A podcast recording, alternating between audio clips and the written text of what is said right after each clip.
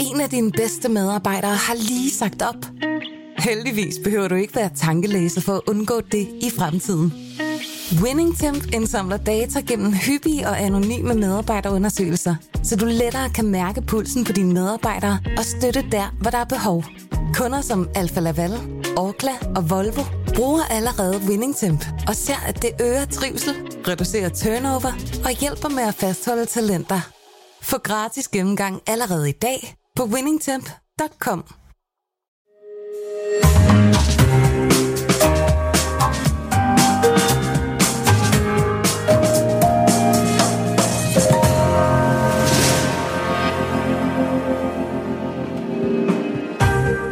Du lytter til Søren Franks Vinkælder, en podcast fra Berlingske. Jo, jo, jo, jo, jo. Upsa. Det er jo uh, the sound of New Year's Eve, det der. Simpelthen. Ja. Den er jo lige, øh, den er jo lige om, om hjørnet, ikke? Ja. Og så må vi jo, så må vi jo gøre vores Det er jo forberedelser. magisk lyd. Man kan næsten ikke være i dårlig humør, når man hører den lyd. Nej.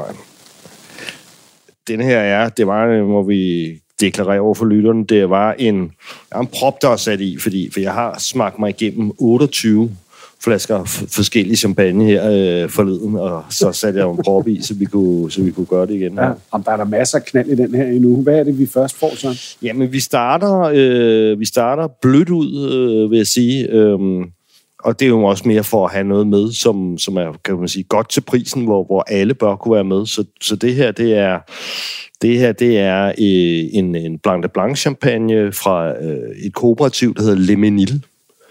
Og det ligger i byen Menil. Øh, byen Menil er, er jo champagne, måske den mest kendte champagneby, landsby i dag øh, fordi at øh, det er her, man finder øh, den champagne, der hedder Salon, som, som ligesom var den første, kan man sige, enkeltmarks eller enkel terroir øh, champagne. Jeg tror, den startede tilbage i 20'erne øh, Okay. en gang. Den er meget kendt, Salon, ikke? Og så, og så Crux Clos de Menil er også meget kendt. Men det her, det er altså det, det, er det lokale kooperativ. Skal vi svage på den? Lad os gøre det. Altså, den er sådan øh, pænt gylden i glasset, ikke? Altså, så, kan, du, kan du se, der er sådan en lille svag grøn tone? Ja, det kan jeg godt se. Det ved jeg ellers, sådan, uh, det, det indikerer jo, der er lidt, sådan lidt æblet i. Det er du ikke så Ja. meget ved til, ved jeg generelt.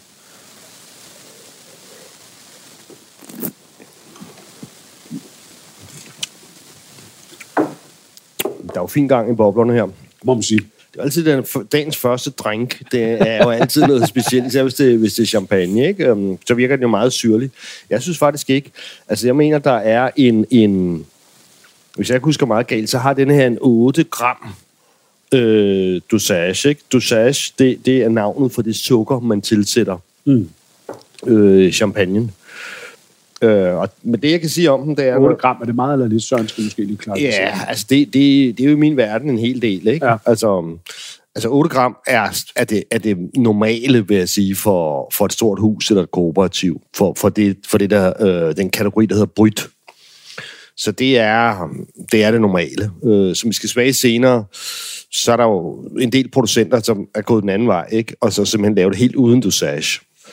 Men øh, som, som jeg også skal kigge på, jamen, så, så er man nødt til at lave vinen til det. Du, du kan ikke bare...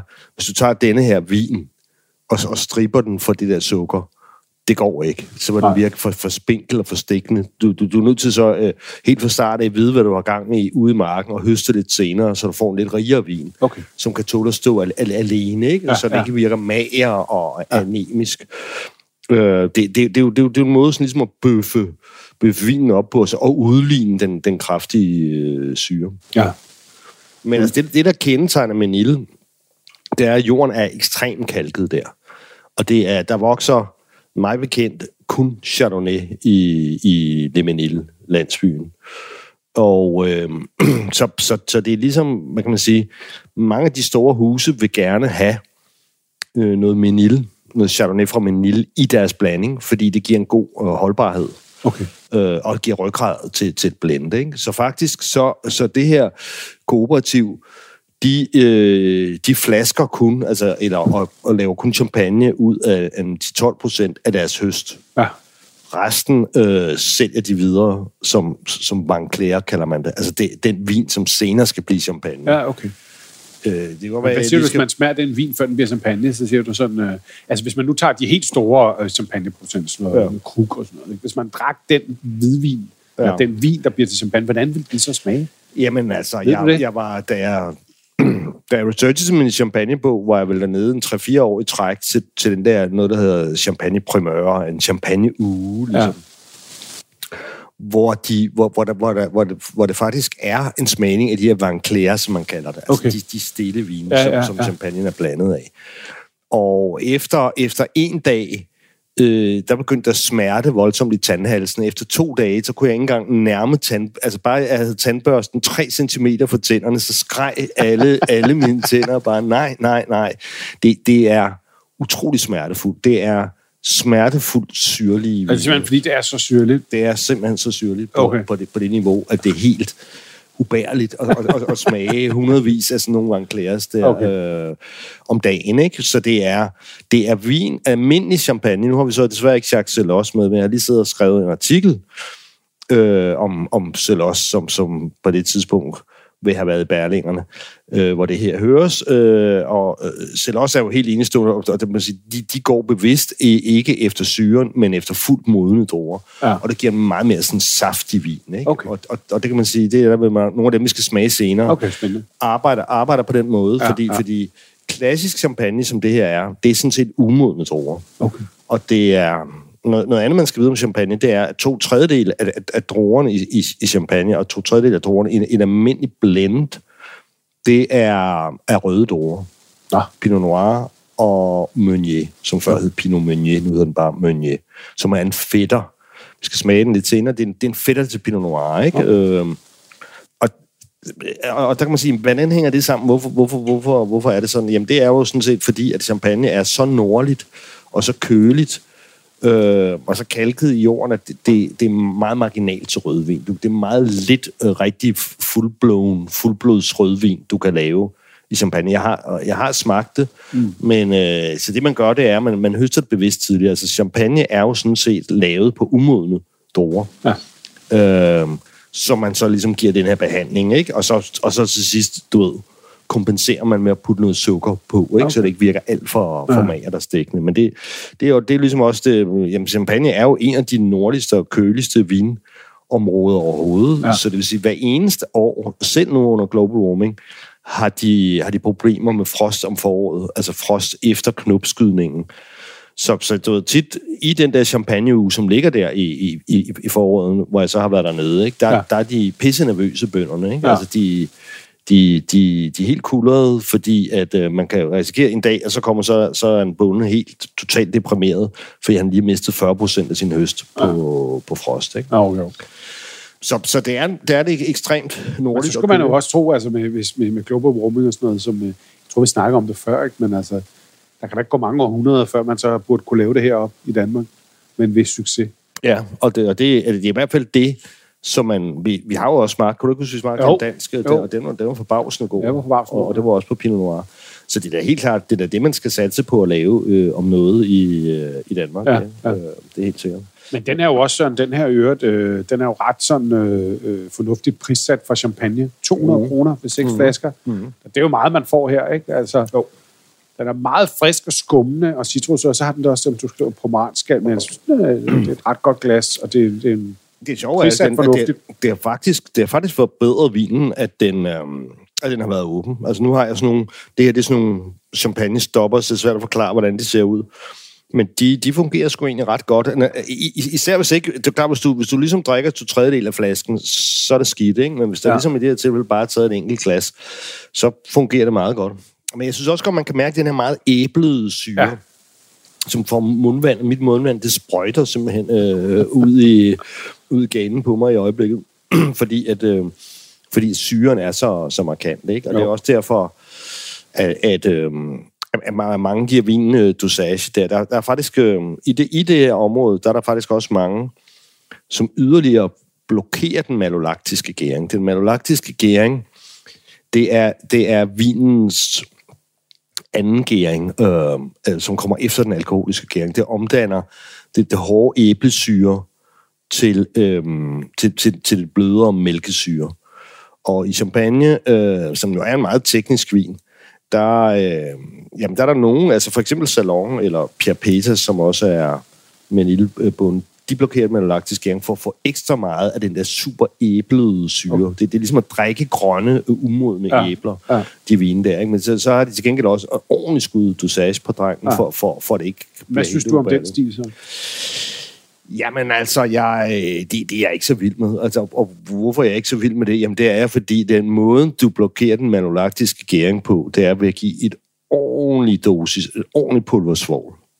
Det er ligesom den ene måde. Jo, en kæmpe, mega filtreret din vin, give en ordentlig dosis svovl, ikke? Og det, det, det synes jeg jo lidt er at dræbe vinen. Ikke? No. I det her tilfælde, der har man da den gennemgå med laktisk skæring, og det er jo ikke, fordi de, de er halal på sådan en kooperativ, men det er simpelthen bare, fordi det, det er problematisk, hvis, hvis den malolaktiske gæring opstår i flasken, fordi det er meget svært. Med, ja, champagne er jo en forfærdelig teknisk vin, ikke? men ja. du ved, når man vil lige så godt få, få sagt det med det samme, ikke? At, at hele øhm, humlen i champagne, for at udtrykke det på den måde, ikke?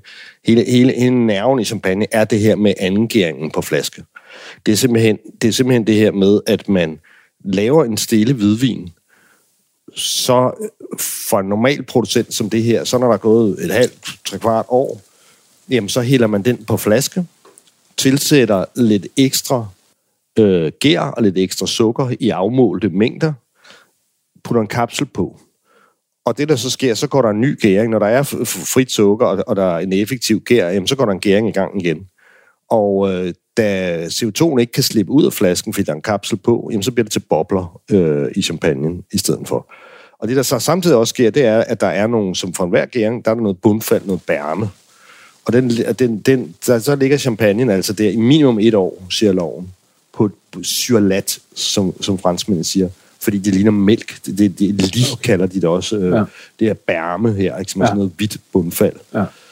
Øhm, og og, og det det, som giver, det kalder man autolyse. Det, det er ligesom, der giver champagne dels den her gærsmag, og så den her autolytiske smag, øh, som, som nogle gange kan, kan virke sådan lidt toasted, ikke? Ja. Øh, og, og det er umami. Altså, det, ja. den her gærting er, man snakker ikke så tit om det, men jeg mener godt, at man, at man kan sige, at, øh, at, at, at champagne er en af de få vine, som, som har sådan en udtalt umami-smag. Det er også ligesom det, der gør, gør champagne til noget. Er det mere sådan, øh, den der gær-smag, du snakker om, er den sådan mere udtalt i vintage-champagne og gamle champagne? Det synes jeg tit, man folk ja. snakker om, ikke? at der, der er faktisk mange, som, som man ikke ved så meget om champagne, og så smager mm. gamle, fine vintage-champagne, så var mange lidt overrasket, ikke? Altid, nogle gange sådan lidt off-put i starten, af de der sådan, gærnoter, der kan være i, i gamle ja. champagne. Jamen, det, det, det, men jeg synes allerede, den er her. Den, ja. er, den er der mere med alderen, med, ja. og jo længere den har ligget syrlat, altså jo længere den periode. Ja. Altså, vi skal også senere smage nogle vine, ikke, som har ligget 5-6 år øh, syrlat. Altså, den her, som jeg husker, det plejer de her at lade deres ligge 2-3 år øh, syr, syrlat. Øh. Men jeg synes, men den her, den gættede jeg blindt. Ja. Jeg sidder og gætter, når jeg sidder... Jeg smager blindt, ja. øh, og når jeg laver sådan en test. Og den her, den gættede jeg, fordi at jeg efterhånden... Øh, fordi Philipson sender jo et eller andet produkt for, for Le Menil ind hver år. Og det er jo en champagne, som man også støder på på restauranter og sådan noget, fordi den er ja, uhyre... Har drukket masser af gange. Uhyre for, for, for, for, fornuftigt prissat, ja. Men altså, jeg synes jo altså, udover at der er den der lille smule æble, så der, synes jeg, der er helt klart citrus her. Ja. Og så, så er der sådan nogle gule stenfrugter, altså sådan ja. fersken, lidt, lidt tørret fersken, ikke? Det er jo typisk Chardonnay-ting. Ja. Der kan også være ananas. Især for Kramang, den landsby, der, der er der altid en, en note af ananas. Jeg, jeg kan også godt fremmane ananas for mit indre, øh, for mit, mit, mit indre blik her. Jamen, den har noget lidt frugtet, lidt, lidt sådan sødt i smagen, men altså, jeg synes, den smager godt og frisk. Og, og så har den, så, så den, den har også noget lidt rosinagtigt, noget lidt harskt. Altså, det mm. er ikke... Øh, altså harsk smør øh, er, er ikke, altså det er også en, en normal, især for, for Chardonnay øh, note. På, ja, og den ligger helt klart tydeligt i næsen på mig, det der Chardonnay, ikke? Det der sådan fede, lidt gammel smør. Jeg ved, jeg ved Men altså, jeg synes for eksempel, at den koster jo, det, vil jeg tro, bare det halve af en uh, Moët Chandon. Altså, min mening er markant bedre, ikke? Og det er nødeagtige, ja. som er meget typisk for, for champagne. Altså, jeg, jeg tror, hvis vi havde fået flere champagne, for hvis det ikke var dagens første drink, så ville jeg nok også synes, det var ret sød. Men lige nu øh, generer det mig egentlig ikke. Um, det må jeg tilstå. Altså, lige nu... Lige nu um, Altså lige nu smager, smager den her, og hvis det skal være helt ærligt, bedre end den nogensinde har gjort. det kan være, at jeg skal til at drikke noget mere champagne her om formiddagen. Jeg tror, du skal så. Ja. Du drikker alt for lidt champagne. Ah, det ved jeg nu ikke, om jeg gør, men, øh, men jeg skal Smager måske... for meget, men drikker du nok? Ja, jeg ved heller ikke, om jeg får startet tidligt nok på dagen. Det er måske det. det må være de lytters forsæt. Mere champagne endnu tidligere på dagen. Oh, oh shit, hvad var det? Der fløj en eller anden. Var det et stykke lak eller sådan noget? Der fløj herover. Ja, eller flasken, det vil du nok finde ud af. Okay. Nå, vi tager chancen. Ja, det, jeg ved sgu ikke, hvad fanden det der det var. Og det et lille stykke glas, der får fløj med ud. Det er meget, meget dramatisk. Ja, men jeg kan ikke rigtig... Der er godt nok, der... Der er knald på. De er effektive, de der propper. Ja, det, det er dejligt. Vi ser en gang her. Jeg tror ikke, der røg noget ned i. Men nu er jeg lidt spændt på farven her. Ja. Øhm, Den er mere sådan... Den er har lidt laksefarve i sig. ja, det er Det du fuldstændig ret i. Og det, det er jeg også glad for, at den, at den, ja. at den har, fordi... Den, den ser sådan lidt mere eksklusiv, lidt mere sexet ud. Ja, og den der laksefarve, det skyldes jo, at her er vi over en rød droge. Okay. Vi er simpelthen over i Meunier. Mm. Så det, det, det, det var sådan noget, der ikke rigtig fandtes for... Altså, da jeg begyndte at, at interessere mig for champagne for en 25 år siden, Ja. der, der kunne man ikke få en 100% øh, Meunier. Altså, Meunier er jo lidt, er lidt slavedrogen, kan, bliver, bliver den måske lidt fejlagtigt opfattet som. Ja. Det er ligesom en droge, hvor man altså hvor man siger, jamen den her har ikke, den har ikke det store læringspotentiale, Meunier. Mm. Det er jo en droge, som man bruger i Valette eller Marne, som det her champagne også kommer fra. Det er et, altså der er ligesom, kan du sige, fire champagne øh, distrikter, ikke? Ja. Øhm, der var, før hvor vi var Côte de Blanc, hvor var alt Chardonnay'en, det var Menil for eksempel, som vi smagte før, ikke? Ja, ja. Så, så er der øh, Montagne de Reims, som ligger nord herfor, øh, som, altså mellem, i området mellem Reims og er de to store sådan champagne-hovedstederne, kan man sige. Og det er der, hvor det er først og fremmest Pinot Noir-land. ja. Så er der ud mod, ud mod Paris, ud mod øh, vest, der kører Valette la Marne langs, langs floden Marne. Og øh, der er der mere øh, forsfrost, så, så, så det vil sige, at, øh, at der bruger man meget Meunier, fordi at den øh, knopskyder lidt senere, så, så den er ikke helt lige så følsom over for, for frost øh, i, i, start, der, i, i starten af maj der. Hvordan, hvordan sådan er det med hensyn med restriktioner? Hvad må man bruge af druer? Altså, Der er i alt ni, jeg kan ikke huske dem alle Nå, sammen. der, er som, der er et fast antal. Det er kun Ja, dem, man må bruge, hvis det skal hedde champagne. Ja, simpelthen. Okay. Og, og, og der er, jamen altså udover de tre, øh, som jeg har nævnt, ikke? Øh, Pinot Noir, Meunier og Chardonnay, så ser man en gang imellem øh, Pinot Blanc. Det, det vil være af dem, man, man ser mest. Man Ja. kan også, jeg mener også, der er noget Pinot Gris, og så er der et par andre druer, men det, det er virkelig realitet, ikke? Altså, Okay. okay. det, det, det er virkelig realitet. Øh, men, men altså i det her tilfælde, der er det så 100% Pinot Meunier, og, og den, i forhold til Pinot Noir, bortset fra, at den, at den, at den ligesom knopskyder lidt senere, jamen så øh, rent smagsmæssigt, øh, der er den meget mere frugtig øh, end Pinot Noir. Nu har vi jo ikke haft en Pinot Noir, men jeg synes godt, man kan mærke den der frugtighed.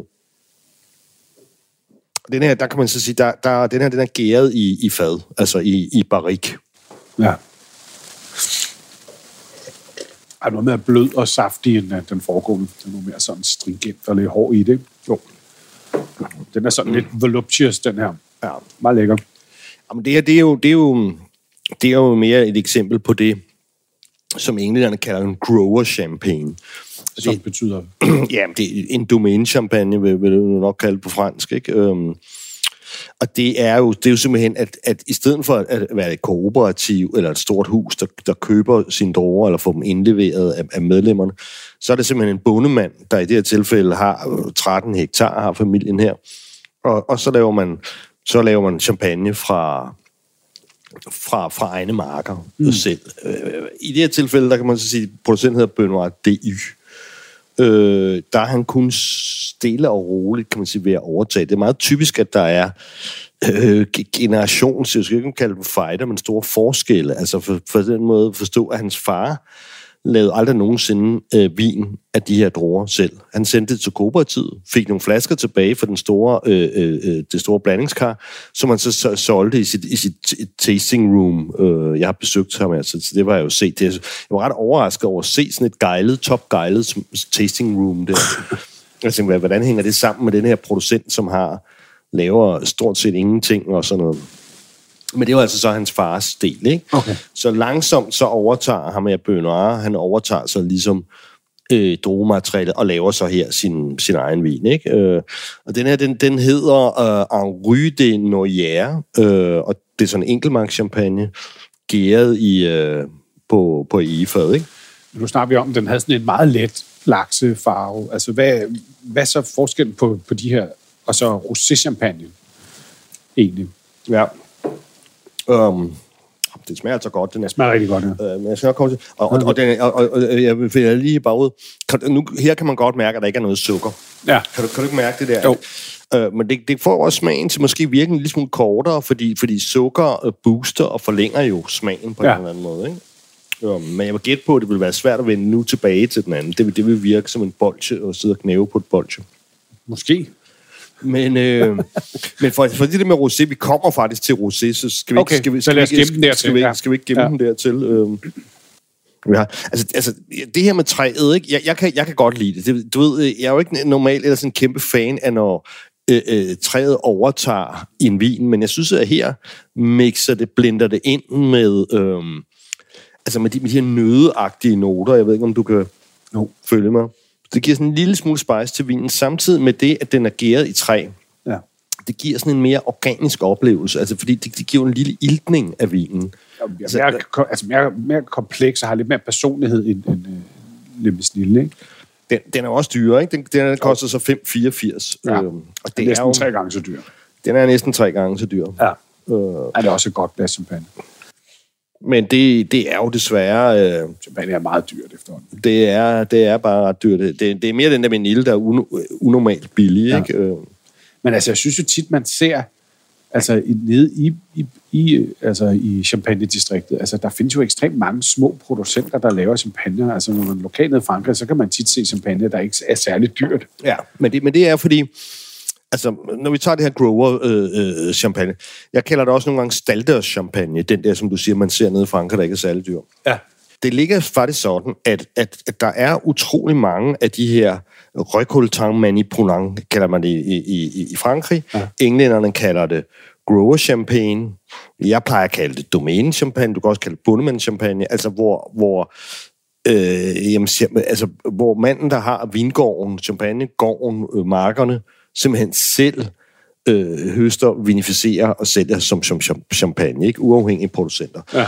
Øh, og der kan man så sige, at der, i Frankrig, der er det jo ikke... øh, I, I Danmark er det blevet lidt sådan en hip ting, men, men sådan var det jo ikke nødvendigvis oprindeligt i Frankrig. I, i Frankrig var det, var det faktisk et alternativ, et billigere alternativ til, til, de, øh, til de store huse. Ja. Altså, der, der øh, den, den, den franske staldørschampagne, som man kalder det, jamen der, der går det simpelthen ud på, at de, at de her små producenter har ikke rigtig kunne opbygge et brand og sælge worldwide, og sådan noget som Moet eller Veuve Clicquot.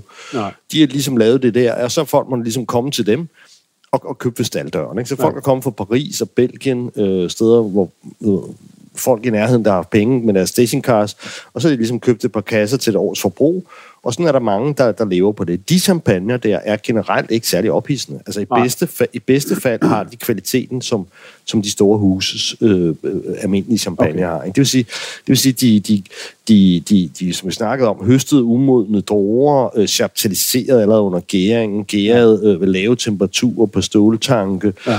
øh, med, med tilsat gær, og, altså, og pive meget dosage til sidst, ikke? Og, og, og altså... Så er det ikke dit indtryk, der ligger en masse glemte eller skjulte skatte? Så... Nej, det er der ikke. Altså, Nej. det, var, det var så Jacques Delos, som jo desværre ikke har, har med her i dag. Vi har noget andet, som er, er stort set lige så godt. Øh, en af hans, hvad kan vi sige, disciple. Øh, men altså, det var jo egentlig Delos, der, der begyndte på at gå sin egen vej så, og lave kvalitet. Altså, altså Øh, og så fandt verden selv også, ikke? Som, altså, hans basisvin koster jo 1.500 i dag, ikke? så du kan godt se, det, det, det, der er sket noget. Ikke? Og, og, så det vil sige sig selv også, at han startede ligesom den bølge, hvor for eksempel øh, sådan en som ham her er en del af, ikke? Altså, hvor små producenter, som laver kvalitetschampagne med, med et eget udtryk, altså, som, som jo ligesom for mig overgår de store huses øh, champagne, ikke? Ja. Så der er ligesom, man skal ligesom ikke tro, at fordi det her det er en lille recoltant manipulant, altså en lille domænechampagne, at den så nødvendigvis er bedre end et stort hus, eller mere spændende. Øh, bestemt ikke. Altså det, det øh, og, og, og, man kan sige, hvad, hvad, har de, hvad har de så klaret sig på? Jamen, de har klaret sig på prisen. Det, er som, det har simpelthen bare været en, en, en slags discount-champagne. Ikke? Okay. Og jeg kan godt se, at mange, efter nu, at selv også sat gang i den her øh, bølge af rockstjerneproducenter, mm. og så det Clapar og Marquez, som vi skal smage, Charles Dufour og, og, og sådan noget, ikke? Jamen, så, så, så, så er det jo blevet meget populært, og mange restauranter vil, vil godt ligesom, og, og importører vil godt ligesom præsentere en, en sådan en domæne-champagne, mm. ikke? Og så tror de fejlagtigt, at bare det er en domænechampagne, så, så, er det, så er den god og sej, ikke? Men ja. det er den jo altså bare ikke nødvendigvis. Nej. Altså, den kan, den kan være fuldt ud lige så kedelig som, som en stor huschampagne. altså, det, det kommer jo an på, hvordan man har lavet ja. det jo simpelthen. Ja. Altså. Det, er, det, er, det er svært gennemskueligt, det der, synes jeg. Ja. Men det er jo, for altså, champagne er en af de mest tekniske vine, der jo findes. Ja. Ikke? Altså, bare ligesom det der med, at man bevidst høster umodne druer, for så at pimpe dem op med sukker på den ene eller den anden måde. Og, altså, det, ja. det, er, det er ligesom en meget... Øh, den må også have været undervejs, altså som en vinsort længe før den ligesom fandt sit endelige udtryk. Ikke? Mm. Altså alle de der ting, man gør med champagne, det er jo ikke sådan noget, man finder ud af i løbet af de første to år, man laver det, vel? Præcis, og det var ligesom det, altså, altså champagne var jo, som, altså, øh, opstod ved en fejl. Altså det, ja. det, det opstod jo simpelthen ved, at dengang var man, altså før Pasteur, der, der var man jo ikke engang bevidst om gæringen. Altså, hvad, hvad, hvad det egentlig var, og hvordan den foregik. Så, så det her, det var bare noget, der opstod, altså hvor man simpelthen, fordi man ikke dengang havde øh, effektiv kulturgær eller noget, man kunne tilsætte, og man havde nul viden om det. Det eneste, man, når øh, et, område er så koldt som champagne, der sker ligesom bare det, man lavede vinen, øh, og det er indlysende nok, så høster man jo ligesom dengang, før global warming, der høster man jo ligesom om efteråret, øh, og, og, og, og så gærer vinen, ikke? og så ligger den ligesom der, og så bliver det koldt jo om vinteren, og så stopper gæringen. Øh, og så øh, putter man det i en eller anden form for beholder. Jeg ved ikke er det præcis, hvordan man har lukket det inden for at skifte afsted til England, måske. Tønden, eller hvad ved jeg. Mælkejoner, eller hvad man nu har, har benyttet sig af. Og så sker der ligesom det, jamen så bliver det forår, så bliver, så bliver det varmere, og ho, der er stadigvæk gær, der er stadigvæk sukker tilbage, øh, så, så går gæringen i gang igen. Og hvis du så har en lukket beholder, jamen så opstår der bobler. Så, ja. så det var sådan set en fejl. Og det, der så sker, er over i London, hvor de, hvor de er lidt dekadente, det, det ved man, det var det jo så allerede dengang i 1600-tallet åbenbart. Lidt kinky på en eller anden måde. Ikke? Det synes de, det var frægt med de der bobler. Ja. Og, og, og, og sender så ligesom uh, på telegrafen, eller hvad fanden man nu, jeg ved ikke, hvordan man kommunikerede dengang, sender et brev med, med, med, med, med en brev med, med, med, hvad hedder sådan, med, skrevet med pind, øh, færpind. Jolly good show. More of that. Ja, simpelthen. Ikke? Og, og, og, og på den måde blev, gik man så i gang med bevidst at producere champagne. I starten var det helt store problem øh, at finde nogle flasker, der faktisk øh, var stærke nok til ja. at kunne, kunne stå for trykket. Ikke? Ja. Og også at få standardiseret trykket, øh, fordi man ikke, man ikke var så bevidst om gæringen. Der må have været mange flasker, der eksploderede op i fjeset på folk dengang. Simpelthen. Og, og, og mange flasker i kælderne, hvor, hvor, altså, hvor, der, hvor der så kommer kædereaktioner. Ja. Altså, hvor en flaske eksploderer, og så, og så, er der ligesom, så er der lige tusind andre flasker, der ryger med. Det have været meget spektakulært, ikke? Men, men. Det skæg, den her, den har sådan en... Den er, jeg kan sgu godt lide den her. Den smager godt. Den har sådan en lidt skæg ting, som man tit har, og sådan en bedre champagne, sådan en lidt, lidt kernemælsagtig mm. duft i... Mm. Er det det der malolaktiske processer, der gør sådan noget? Eller hvad? Jeg tror også, at det her... Øhm, ham her, han, øhm, så vidt jeg kan huske, i hvert fald øh, i det kapitel, jeg har skrevet om ham i, i min bog, der var han godt nok også meget ny. Øh, han blokerer. Han blokerer faktisk den malolaktiske gas. Så okay. kan du også mærke, at det er en ret hård syre, der er i det her vin. Øh, nej, jeg, jeg, altså, jeg, jeg tror, det kernemælk er agtigt. Det tror jeg kommer fra fadet. Det er sådan okay. en typisk ting, der følger med fad. Okay. Fadlæring, fadgæring. Men jeg synes, den dufter utrolig godt, og jeg, og ja. jeg synes, og igen, så må jeg så sige, det, det, det smager simpelthen bedre. Det er simpelthen åbnet sig. Ja. Så champagne, og det ved jeg jo, det, dengang jeg lavede min bog om det, champagne skal have lige så lang tid til at åbne sig, som alle mulige andre vine. Men det er jo svært det der med, at man Ja, det kan beholde boblerne, og den skal også være kold. Og, Jamen, det er du fuldstændig så det er sgu ikke sådan bare lige, man kan jo ikke lige hælde den på karaffel, vel? Nej, men, men det, og det, har du, det, er du, det, det er der jo så nogen, der gør. Er det det? Øh, Ja, det, det er der. den så ikke, Der er også øh, mange, der, 80% der, der er begyndt at servere øh, sådan lidt større champagne på store bourgogneglas. Okay. Men Det kunne jeg godt forestille mig egentlig. Altså, Øh, måske sådan en som denne her, ikke? som er så Pinot-orienteret. Ikke? ja, det, det vi prøve en dag. Fordi det Ja. ja. kunne være sjovt. Man kunne nemlig godt forestille, at der var nogle ekstra nuancer i sådan noget som det her, når det har den kvalitet, ikke? Men jeg siger jo også bare det her, at hvis man kan få, få fat i, i sådan nogle, nogle gode stopper her, det er sådan, når der er gummi inde i, så er der metal, ikke? og så driver man så ligesom ja. Ja. det klemme ned om halsen. Ikke? Sådan en hest, ja. så skal, man, så skal man ikke være bange for, for det. Nå, så kommer vi nu, vi snakker om stopper her. Så jeg ved ikke, hvad, du, hvad Søren Dam, du plejer at være god til at forklare. Hvad, hvad synes du, det her ligner?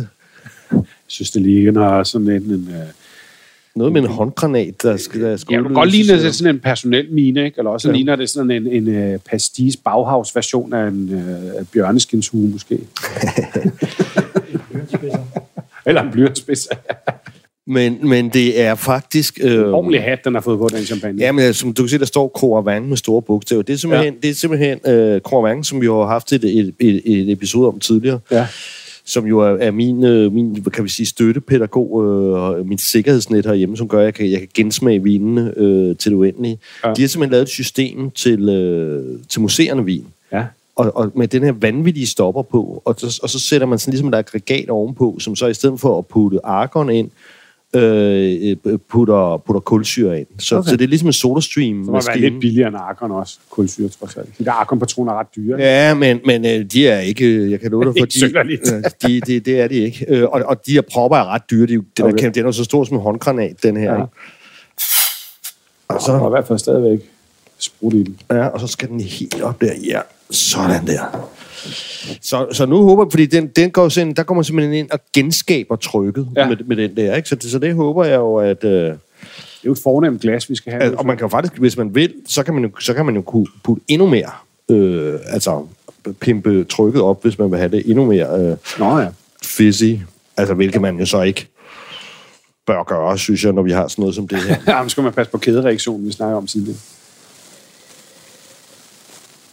Altså, her har vi jo så øh, altså lidt mere dyb kulør, ikke mere dyb gylden kulør. Jeg skal nok lige have lidt tid, fordi den her, den har jo virkelig været noget godt til. Man skal lige have lidt tid til at åbne sig. Ja. Den Det er også en gammel fætter, den her. Ja, 2010, en vintage champagne. Den hedder, den hedder Sapiens. Producenten hedder øhm, øh, Benoit Marguet. Og historien øh, om ham, det er, at han begyndte sådan set at lave denne her vin øh, på købte druer. Men ikke fra, øh, altså fra, fra, fra nogle af mine absolute yndlingsproducenter, øh, hvor, hvor den ene er øh, Georges Laval, som ligger i, i Cumière, og, og den anden er Le Clapar øh, i Trapai. Og, og de er begge, de er begge to økologiske, fordi historien var, at han ville lave øh, vin på champagne på økologiske druer, men hans familie, de nægtede ham. og, og at, fordi de synes, det var vanvid. Det ja. Mathias, og det fik han simpelthen ikke lov til. Og så, så, så, var han til stede, og han sagde, "Men så køber jeg bare nogle dårer. Så den her, det her var så også været ideen om at lave en, en, en, en altså ligesom de store huses prestige som en Dom Pignon, øh, Krone Champagne, og hvad, hvad det nu hedder, alle, alle dem her. Ikke? Der, var- der var ideen ligesom at lave en øko-version af en, en prestige champagne. Ikke? Så, så det er Meunier fra Laval, øh, det er Chardonnay fra Le Clapar, og så er det så i dag, hvor han har overtaget familiedomænet, øh, så er det Pinot Noir fra ham selv øh, fra, fra Ambonnet. Tingen der for at gøre historien om, om, om Benoit Marquet der færdig, så sker der jo hverken mere eller mindre det end hans forfærdelige historie. Hans 22-årige lillebror, øh, som er epileptiker, dør.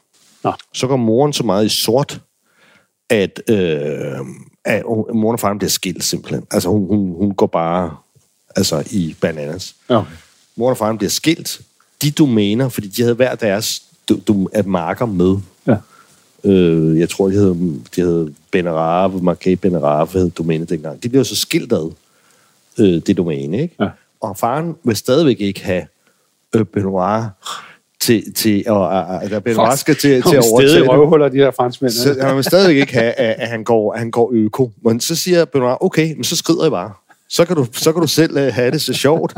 uh, så gider jeg slet ikke at have noget med, med, med familiedomænet at gøre. Og så siger far, okay, hvis vi bliver ved med at have den aftale med Roderea, at de køber, øh, at de køber vinen for to hektar, så får du lov til at gå øko og bio og alt det, alt det pjat ja. der, du gerne vil. Ikke? Ja. Og, og, og, så går han så i gang. Ikke? Og nu er han jo den vildeste, for han har jo taget biodynamikken et skridt længere.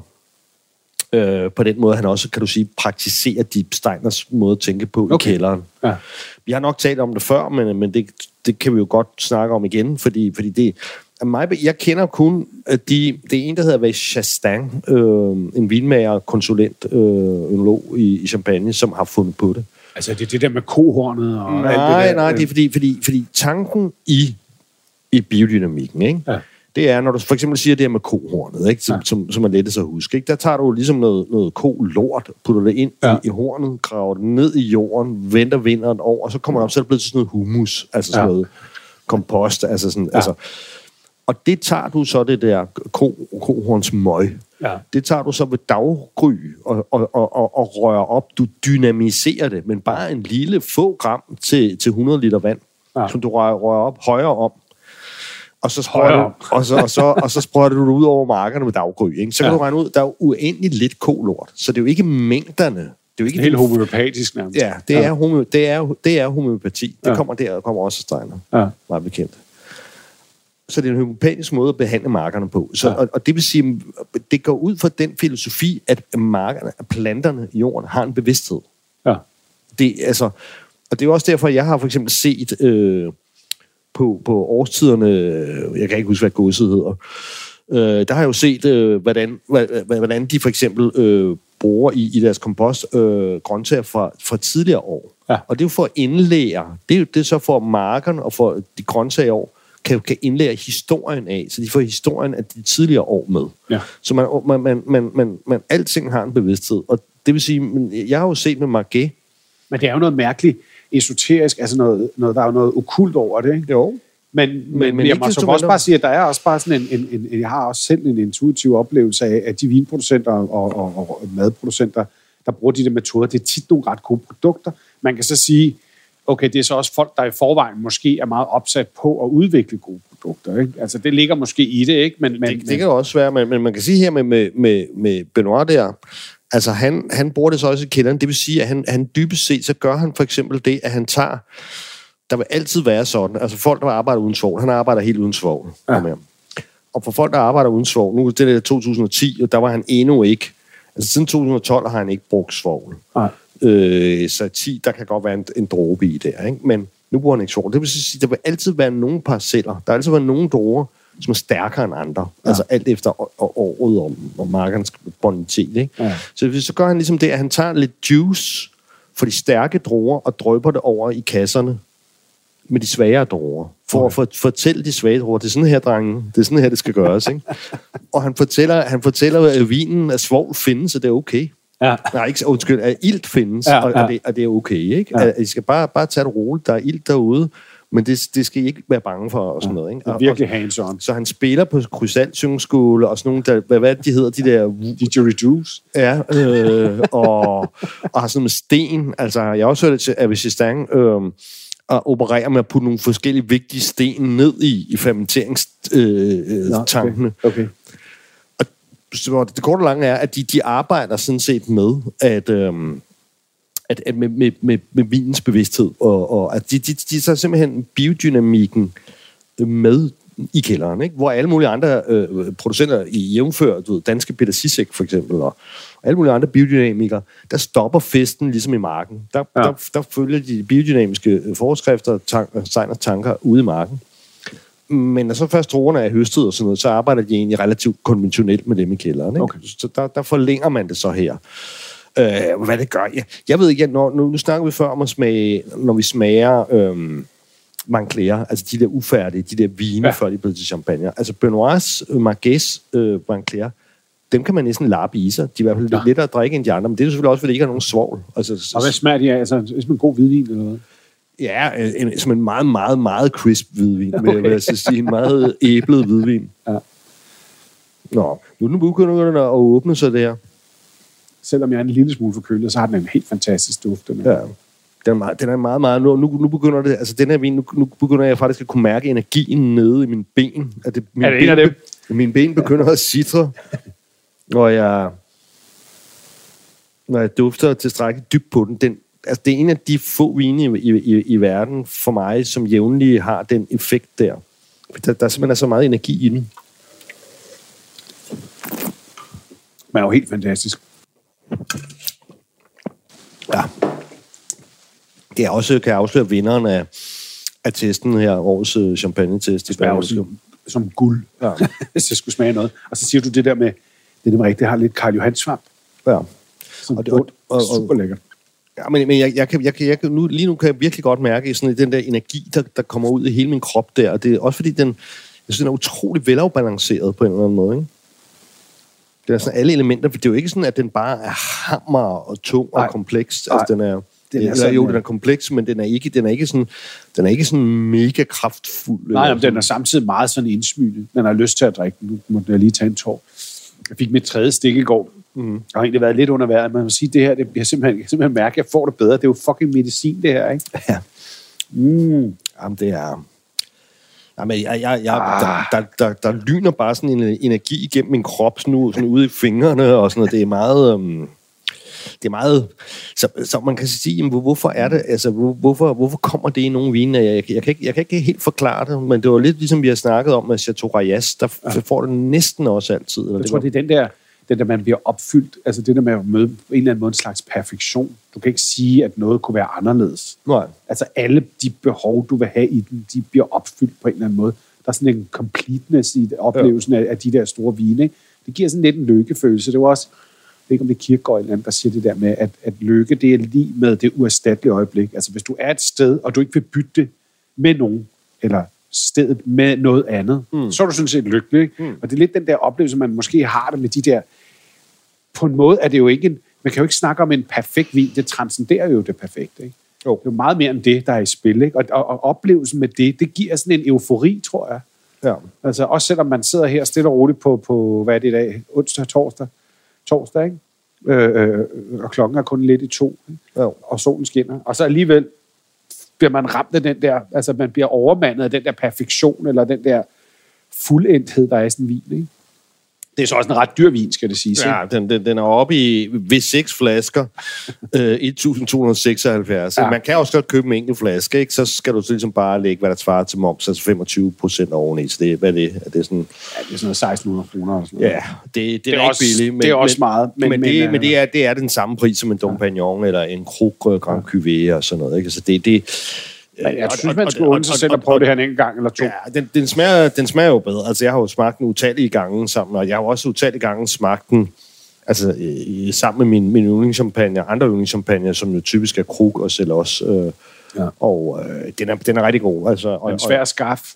Og, nej, det, det er lidt sprit i vand, øh, Okay. Jørgen Kryf. Øh, så det... Jamen, det lyder ikke som en der bliver lavet sindssygt meget af, tænker jeg. Nej. Jo, det er det heller ikke. Og det, men det sjove, det sjove er, at, at stadigvæk nu her, ikke? nu kan du regne ud, at hans første årgang på den var, var, var 2006.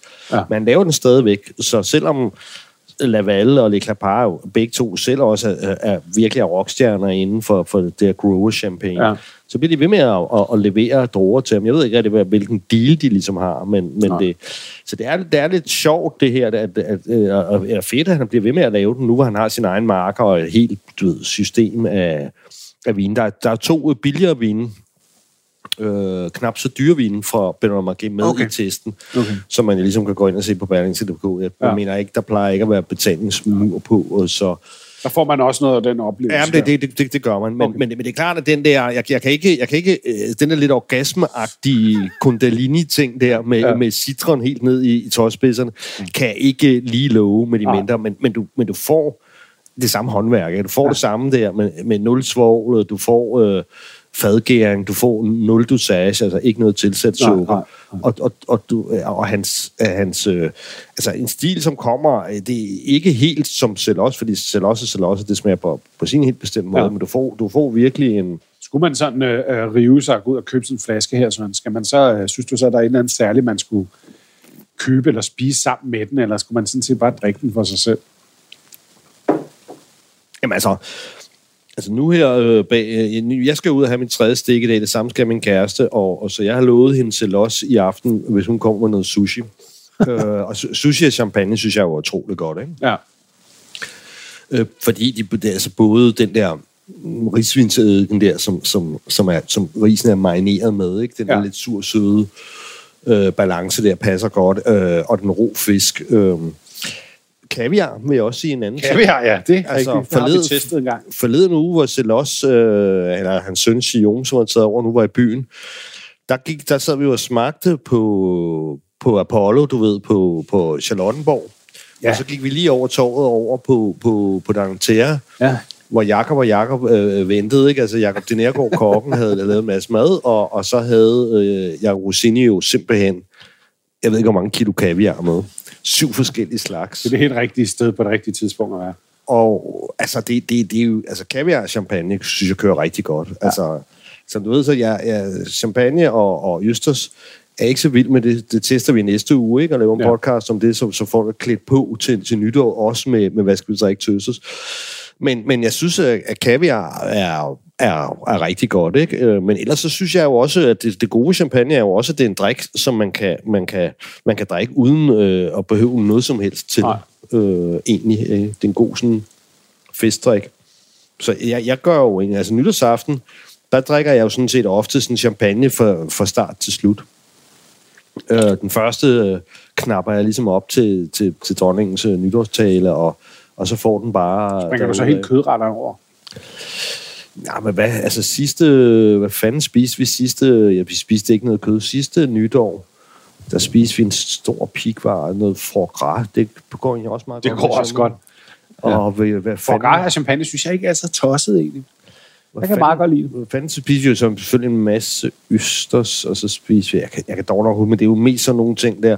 Altså det er sjældent, at dem, jeg fejrer nytår med, vi spiser sådan ligesom de store stege. Altså for to år siden, der havde jeg lavet noget Manfreds uh, tatar, som, som jeg gerne optræder med, fordi den er nem at lave og, eksportere Det er til taknemmeligt ting at lave. Så, altså, og jeg, jeg synes, den, den kører godt igennem. Det, det gode champagne er jo også, at den, den renser munden med boblerne, så det vil sige, at den er også god til sådan noget tapas-agtigt, eller ja. Ja. antipasti, du ved, det der med, med mange forskellige Ja, det ting, synes jeg faktisk også tit. er. som, som jeg tror, mange folk kører til nytår, også fordi jeg tror, de fleste efter har stået med andestegen og, og du ved, tunge stege, jeg tror, at de, de færreste kører sådan mange øh, varme kødretter, er min indtryk. Det ved jeg. jeg tror ikke, er der ikke mange, der kører sådan lidt altså lidt, hvad kan vi sige, antipasto, altså sådan med, med, måske lidt mere kolde eller lunkne forskellige retter, øh, jeg ved det ikke. Altså, Altså, det er, sgu- jeg kører da sådan rimelig old school til nytår. Det er altid noget med Torsk. østers og... Nej, ikke sådan noget østers og noget, en eller anden hummer-ting og øh, en eller anden kødting. Men eller eventuelt noget fjerkræ. Jeg kan godt lide due eller vakler, for eksempel til... okay. Og så køber jeg en stor nytårskane hos La Glace, og den skid Ja, men til den der celosmeter der, jamen der, der fik vi faktisk også... Øhm, jeg kan sgu ikke lige huske, hvad det var for en af dem, men altså, man kan jo godt, med, med en magtfuld champagne med en masse pinot i, der kan man jo godt køre noget perlehøen eller sådan Ja. noget. Det der. Øhm, Det kan godt være. så jeg har også tit fået med bræskølling i, øhm, i Frankrig. Men ja, den her, den synes jeg... øhm, Det smager vidunderligt, den der. Ej, den, den, er, den er god. Ja. Den er god. Og det, og det her med, det, det, det kan man sige, i den rolle i denne spænding, udover det til testvinderen, så er det jo også den klassiske blend med de tre druer, nogenlunde ligeligt fordelt. Ikke? Mm.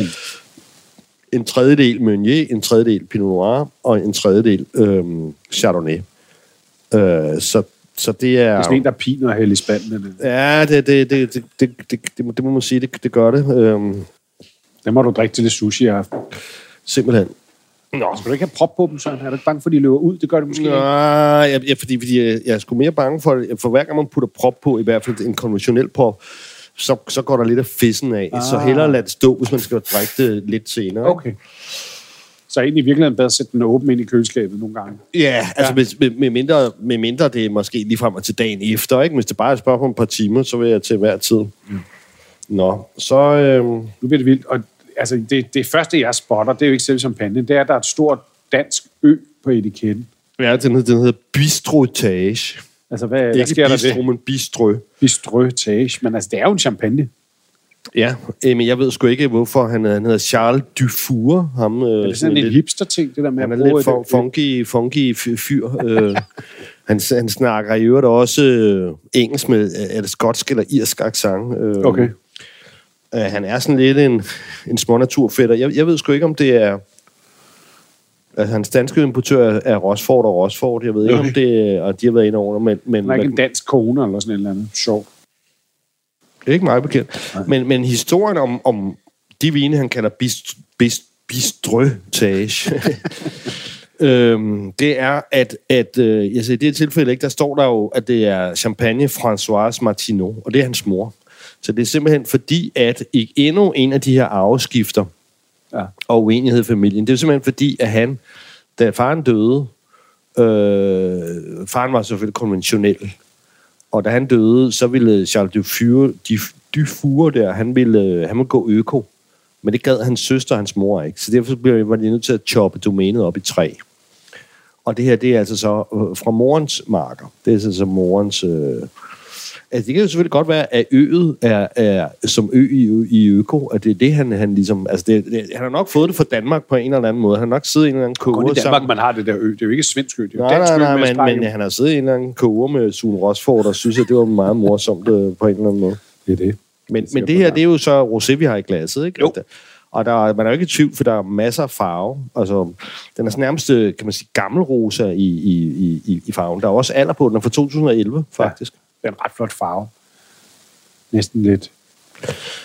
Det her, det er, du, du spurgte før, hvordan er det så, når man laver øh, rosé champagne? Rosé champagne, der har du faktisk et valg. Altså, når du laver almindelig rosé, er det ikke, som han siger, ham der Erik fra, fra rytteriet. Han siger, øh, der er rødvin og hvidvin, og du blander dem, får du champagne. Nej, der får du rosé. ja, okay, nu, nu begynder det at stige mig til hovedet, de bobler der. Så får du rosé. Øh, men sådan må du faktisk ikke lave almindelig stille rosé. Det, det, det bliver lavet med maceration. Øh, rosé de maceration hedder det på fransk. Og det vil sige, at du bare i stedet for, som du laver en rødvin, i stedet for at du ligesom har en, en uge, hvor det ligger og søber rundt ved stuetemperatur med skallerne og trækker farve ud, så laver du bare en ganske kort maceration. Så er der bare lige et par timers kontakt. Altså, øh, hvis du, hvis du kan huske, da vi smagte rosé, der var sådan noget som Domaine 8, hvor der næsten ikke er nogen farve. Ja. Det, det, der er det bare kontakten i pressen, simpelthen. Ikke? Okay. Øh, champagne, der, der, der, kan du, der kan du godt lave det med maceration, og det er det i det her tilfælde. Det, det her, det, det er en rosé, øh, så kalder man det også saignée, altså, og det vil sige, den bløder. Altså, øh, og, og det er fordi, man, man, det er en måde, hvor man lader tankene bløde. Du nogensinde set den dokumentar, der har været på DR om Peter Sisek øh, i sin tid? Jeg har set den, hvor han bare åbner tanken. Ja, hvor han efter, efter en fugtig frokost, øh, hvor han er i godt humør, så åbner han bare tanken, ikke? Og så, så tror man jo, fordi at, øh, at journalisten selvfølgelig ikke deklarerer ordentligt, at det her, det, det er faktisk ikke Pinkus, han gør det med, men, men en anden eller tredje vin eller ja. sådan noget, ikke? Men, det, men grunden til, at man, man lader tanken bløde, det er jo simpelthen, hvis der er for meget vand. Altså, det for, det for at forbedre ratio mellem drueskaller Okay. og most. Så ligger vandet nederst, eller hvordan? Ja, Så og, og, og, så det og, og det andet ligger jo altid som sådan en hat ovenpå. Ikke? Ja. Så lukker man bare lidt ud for at få, for at få en mere koncentreret vin. Ja. Øh, i, og, og det er et typisk regnfuld år, man, man Okay. laver det der saignée. Men det er vildt nok, når de bare lige, hvor han bare går og åbner alle hanerne der. Så, så det er derfor, man kalder det rosé de saignée, men, men det, det kan jo også hedde rosé de maceration. Øh, det er forskelligt. Så, så den er lavet på maceration, fordi at øh, de fleste, altså 9 ud af 10 rosé champagne er derimod lavet øh, på, det, man kalder rosé d'assemblage, altså en blanding, hvor man simpelthen blander 5% rødvin i. Du har simpelthen, som Erik får rytteriet, du har en hvidvin, og så tager du en lille kop rødvin og hælder i, ikke? Ja. Øhm, og det, det er altså typisk så en, en rosé de maceration, eller, eller en, en, en, hvad hedder det, saignée, som det her er, er typisk meget mere farve, som du kan se. Det, det, Ja. Der er masser af farve. Den er så orange, eller sådan, hvad kan vi sige? Det er sådan, Han er næsten, også lidt, næsten lidt brun i den, ikke? Meget mørk orange, og, og den har også meget mere rød frugt, den her, ikke? Ja. End en, end en øh, sådan mere konventionel. Hvad kan vi mere sige? Jamen, det, det er jo en mand også, som... Ja, man arbejder med meget lidt svovl øh, og, øh, og fadgæring. Øh, og så er, er, meget anderledes end de andre. Ja. Altså, og har mere det der sådan lidt naturpræsagtige, lidt mostede, mere saftige. utrolig saftige sager her. Ja. Utrolig saftige sager. Man, man kan så se, den fra Der står 2011. på, på, på etiketten, sådan, så står der tirage og sådan noget, når der står der degorgement. Ja. Hvad er det høsten, og så hvornår? Altså, er? så står B11, det, det er høståret, ikke? Ja. Og jeg ved ikke, hvorfor han siger B, ja, der, der, er nogle regler, han må, og det er klart. Ja. Tirage, det betyder at trække.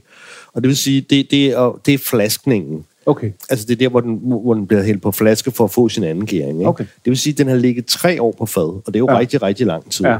Altså, normalt er det normale er maks et år, ikke? Ja. Øh, så det, men det, det, det, det er den nye årgang begyndt på. Også Celos' søn, han kan også godt lide det der med tre år. Ja.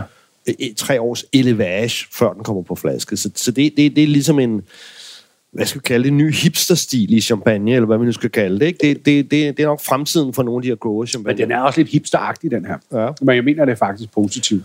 En anden grund til, at den er så hammerende saftig, som den er, den, den er jo pjaskende saftig, ja. den her, det er jo, at den, øhm, hvad hedder det nu, øhm, den, den er fra Åb, altså det, det er 100% Pinot Noir, og nede fra Åb, fra Côte de Bar hedder distriktet i Åb. Og Åb ja. er et andet departement, simpelthen. Det, det, er, det er en helt times kørsel syd fra, fra, fra hvad kan man sige, hovedchampagne, Ja. fra Epernay. Så skal du køre en, en, en, en time, hvor du ikke ser nogen vinmarker Nå. og så er du nede i Åb. Og, og, og Åb er det, det, det for det første, som... Men han må godt kalde sig champagne. Ja, ja, fordi, ja. fordi, fordi at det er... Det, man kan sige, at Åb der, al- altså Côte Bar er gennem tiden gået, har også været en del af Chablis. Det ligger på, på, Okay. på bredgrammet Chablis. Okay. Det ligger tættere på Chablis, sådan set. Og jord, jordbunden er, er Kimmeridgen, fuldstændig som Chablis. Okay.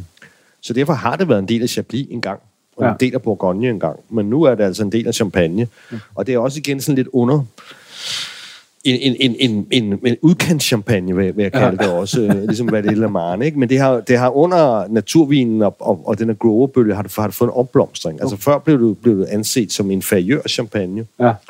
men en masse af de her growers, som lidt naturorienterede, øh, holder til dernede. Også Vuetti Sorbet, for eksempel, som nok er den største stjerne dernede. Øh, hvad hedder han? Øh, Guillaume Celos. Han øh, laver også en vin dernede fra, som hedder La Chilière, som koster 2.500, så det er i hvert fald den dyreste. okay. men, men det, der kendetegner øh, Pinot Noir fra, fra, fra Åb, det er, den, den er meget, meget saftig. Den, Ja. den er sådan lidt mere bullerbasse-agtig. Ja. End, øh, der er også, de, de høster en uge før. Altså, der er en grad varmere dernede. Altså, på, Den har meget krop, du ved. Altså, ja. Den vil være... Altså, kunne du godt spise. Den er ret lækker til fjerkræ og. Ja. tatar og sådan noget, ikke? Og måske endda kalvekød. Mm. Og meget Altså prisen her, den er, det er så Rosford, der er importør, ikke? Det er så, den koster 500 kroner, eller 410, hvis man køber seks af dem. Ja. Og det synes jeg egentlig er meget godt for sådan en, øh, en, en, en, en årgangsshower der, Ja, ja. med, med ja. 10 år på banen Ja. ja. der. Um, det, er- det er en, jeg, jeg er jo normalt ikke den store rosé-fan, heller ikke når der kommer til champagne, men den her synes jeg um, Den er meget spændende der. Den smager ikke helt som noget, rosé jeg har smagt før, vil jeg sige. er meget frugtig, den, den er meget... Um, også meget kirsebær i den, ikke? Det er lige før, man, man begynder at... Den er for tør til at drikke til risalamangen, men, men det er klart, at man, Ja. Mm. Men er lækkert med både altså, når krop og den er det nøde der, ikke? Og samtidig er den saftig, og den spiller sådan lidt op. Altså, det, ja. knasende tør igen, Ja. igen, igen øh, uden, øh, uden dosage. Øhm, og så den, øh, det sidste der, hvor du siger, er det med det gorgement, det er jo så der, hvor man, hvor man, øh, hvor man fjerner bundfaldet. Altså det, det, som vi snakker om før, den, den ligger der, syrlat, den ligger på flasken med kapsel på, sammen Ja. med bundfaldet. Så Ja. på et eller andet tidspunkt, når den skal kommercialiseres, når man synes, at nu har den fået nok, så skal man have det der bundfald ud. Ikke? Og det, der er det, man har den der øh, øh, processen der, med, Ja. ja. med, at, med at samle bundfaldet, med riddling, som det hedder på engelsk. Ja. Ikke? Øhm, og nu har jeg glemt det franske ord, men, men, men i, i de her særlige holdere der, Ja. sådan så at bundfaldet til sidst øh, sidder helt nede ved proppen, Ja. så fryser man, hvor har man sådan en, ja, det er automatiseret i dag, ikke? Sådan, så Altså, fryser det var de man går vinder flaskerne. Ja, ja. Ja. I, I dag, der foregår det jo kun... Altså, Bollinger og nogle få øh, gør det manuelt, ikke? Men ja. i, i dag øh, kan man få maskiner til, til, at, til at gøre det. Ja. Siropalet hedder sådan en maskine der. Og, og, og når så alt bunden falder sammen derned, så fryser man ligesom halsen, og så kan du ligesom skyde en, en lille pastil ud. Okay. En lille frossen, kan du sige, pastil af bundfald ud, ikke? Okay. Så mangler der jo noget i flasken, ikke? Ja. Og, øh, og det er jo så der, hvor man, hvor man tilsætter, hvor de her producenter, hvor i de sidste øh, tre, vi har smagt her, der, der er jo ikke noget sukker tilsat, så så topper man op med en lille smule vin. øh, hvor de andre, de putter lidt, de kalder det likørt ekspedition, altså sådan lidt, øh, lidt sukker øh, okay. i, øh, i, ikke? Og det, det, det, det er dosagen, man snakker om der, ikke? Så ja. det er jo sådan, sådan typisk 10 gram sukker øh, opløst i noget, i noget vin, man så ligesom ja. hælder op i. Og så kommer korken på, ikke? Ja. Og der kan man så sige, det er meget afgørende det tidspunkt. Altså dels fordi, hvis det, hvis det er non-vintage champagne, så har du ingen anden indikation på, hvor gammel er den her vin egentlig, der er i flasken. Hvis du tager en almindelig flaske Moet eller Veuve Clicquot, øh, Brut Imperial, øh, du ved ikke, hvor gammel den er. Okay. Den kan jo være 20 år gammel. Kun det? Ja. ja okay. Øh, og, det, og det er et stort, stort, stort problem. Altså, forestil dig, at du ligesom er en restaurant, og du hver år kø, køber et eller andet 10 kasser øh, øh, Brut Imperial, og du putter dem bare ind på samme hylde, ikke? Ja, ja. Så, ved, så kan det være, at du kommer til at servere en vin, som er helt brun, 20 år gammel, og en, der er helt grøn og, og helt ung. Ikke? Okay, så, det, var sjovt, det, det, det, er lidt et problem, at der ja. ikke er den der, at de ikke vil sætte dekoragementen på. Altså, grunden til, at de ikke sætter vintage på, det er, fordi det er en blanding af en, en, en, en almindelig champagne, ja. en blanding af flere forskellige årgange ja. normalt, jo, ikke? Jeg tror, du var meget optaget af, at der var et ensartet udtryk i den der sådan et stangvare-champagne, som det er. Ja, øh, øh, men, men de, grunden til, at de ikke vil gøre det, det er jo fordi, at jeg har jo foreslået det til dem øh, hele tiden. Det bliver man træt af til sidst. Men det grund til, at de ikke vil gøre det, det er jo, at, at de er bange for, at folk øh, tror, at det er sidste salg, salg, salgsdato. Nå. det, de tror virkelig, at folk er så dumme, at, at, at, at og det er jo fordi, ja. det, det, det, det er de simpelthen bange for. De har også mange kunder, kan man sige.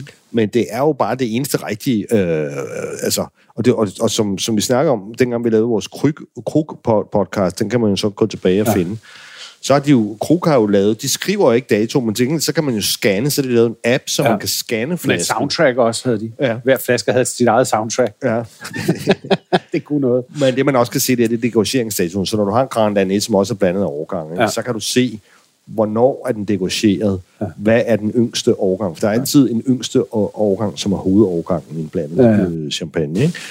Men det er jo endnu et godt argument for at prøve noget andet end Moet til nytår. Ikke? Lidt op. Altså, altså her, her, når der så står degagement her, så er der 24. i 3. 2021. Ikke? Deraf kan vi jo så regne ud. For det første, så kan vi se, når der står tirage øh, 2014, øh, og så står der degagement 2021, så har den ligget syv år surlat. Okay.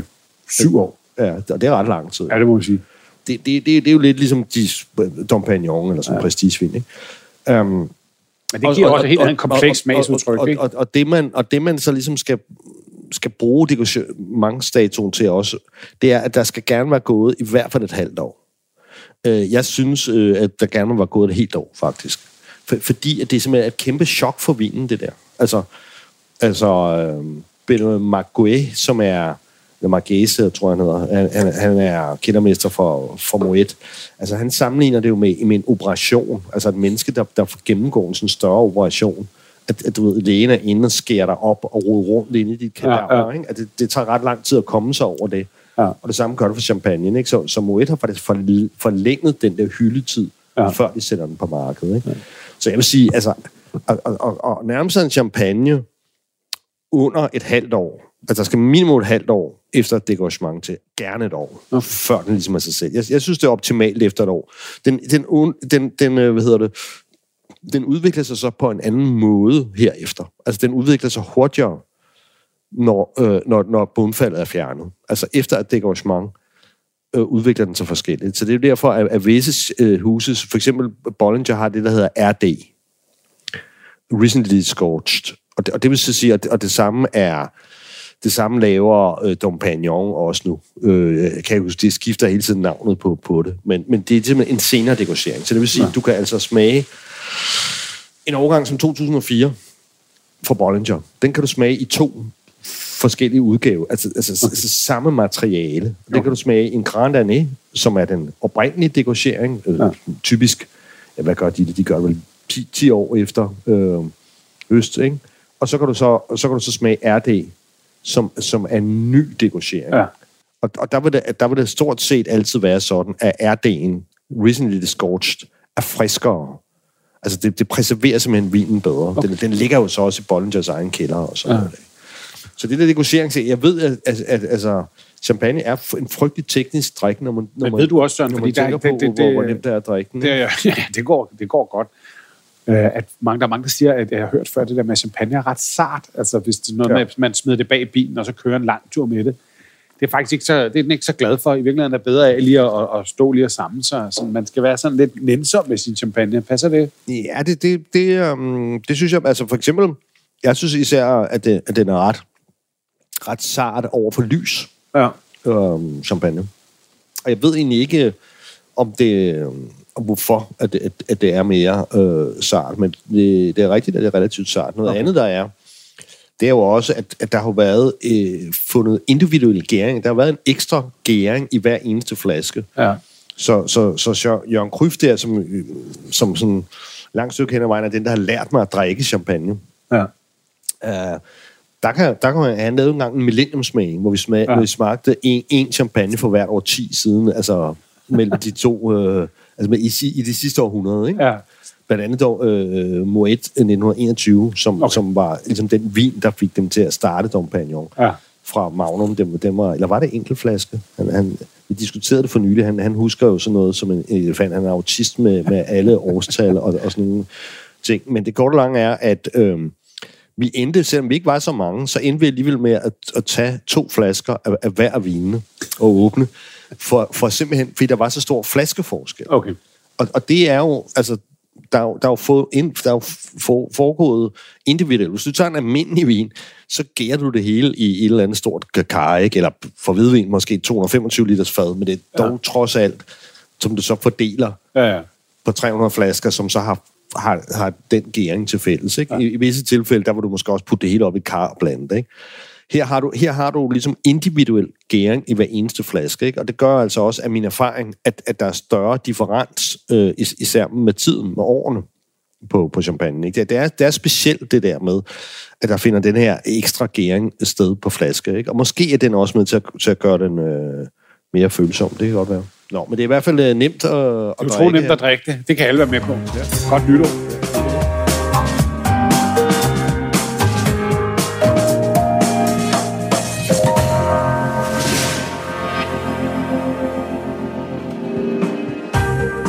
Søren Franks Vinkælder.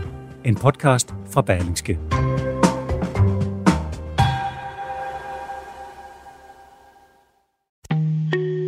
En af dine bedste medarbejdere har lige sagt op.